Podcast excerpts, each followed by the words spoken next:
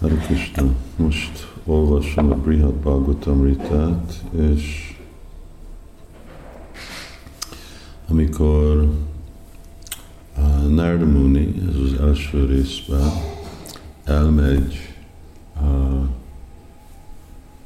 a lelki világba, ahol Mahashiva Loka, ahol új Shiva él, ez nem a anyagi világ fajlás, hanem azon kívül, és uh, aztán ott persze uh,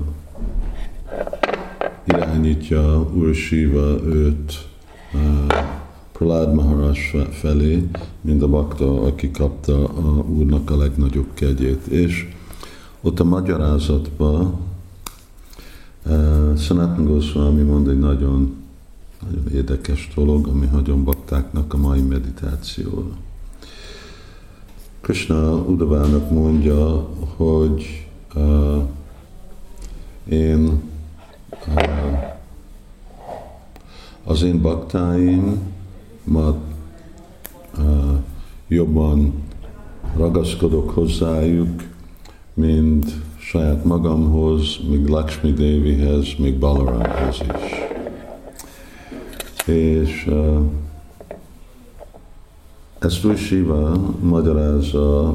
a kontextusba Prahlad Maharaj,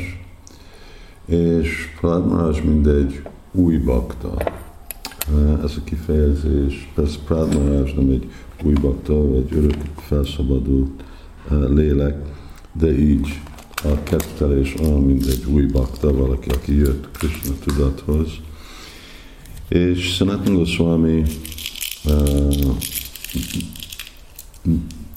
magyarázza, hogy hát hogy lehet, hogy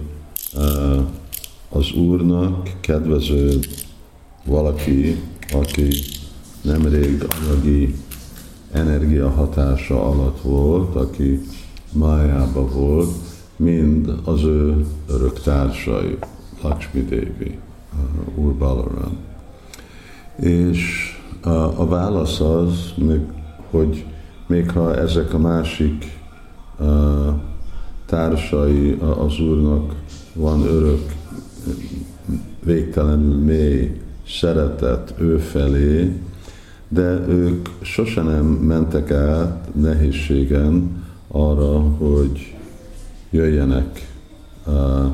arra a szintre, hogy eljöjjenek Krishna tudatba, és feljesztjék Krishna tudatot. És ebből a szempontból, a, és most használom ezt a kifejezést, új bakta, ezt Sanatan Goswami is mondja, új bakta, mint, mint én, és hallgatók, ők ebből a szempontból kedvezőbbek az Úrnak, mert először ott hagyták anyagi ragaszkodást, és aztán átmennek annyiféle más kihíváson, gyakorolni a Krishna tudatot, küzdeni az elmével, az érzékekkel, és persze az anyagi világban meg annyiféle más ellenségek vannak a baktáknak, akik ellene vannak az odaadó szolgálatnak, és akkor kínozzák őket. Szóval azért, mert a bakták átmennek ezen a körülményeken, akkor Krishna úgy kifejezi, hogy ő jobban szereti őket. És nekem ez egy nagyon, már lehet, hogy egyszer ezt említettem, de gondolom, hogy ez egy nagyon szép meditáció, és valami, ami nagyon tud lelkesíteni baktákat, hogy nem fölösleges mindaz a nagy erőfeszítés, amit uh, mit csinálunk.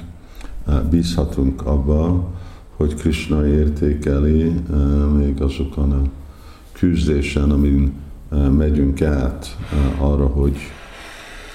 tudjuk kontrollálni az elménket és az érzékünket. Holnap nem tudom, hogy lesz podcast, mert már reggel négykor szállok be taxiba, menni Brindavanba, de meglátjuk. Hare Krishna.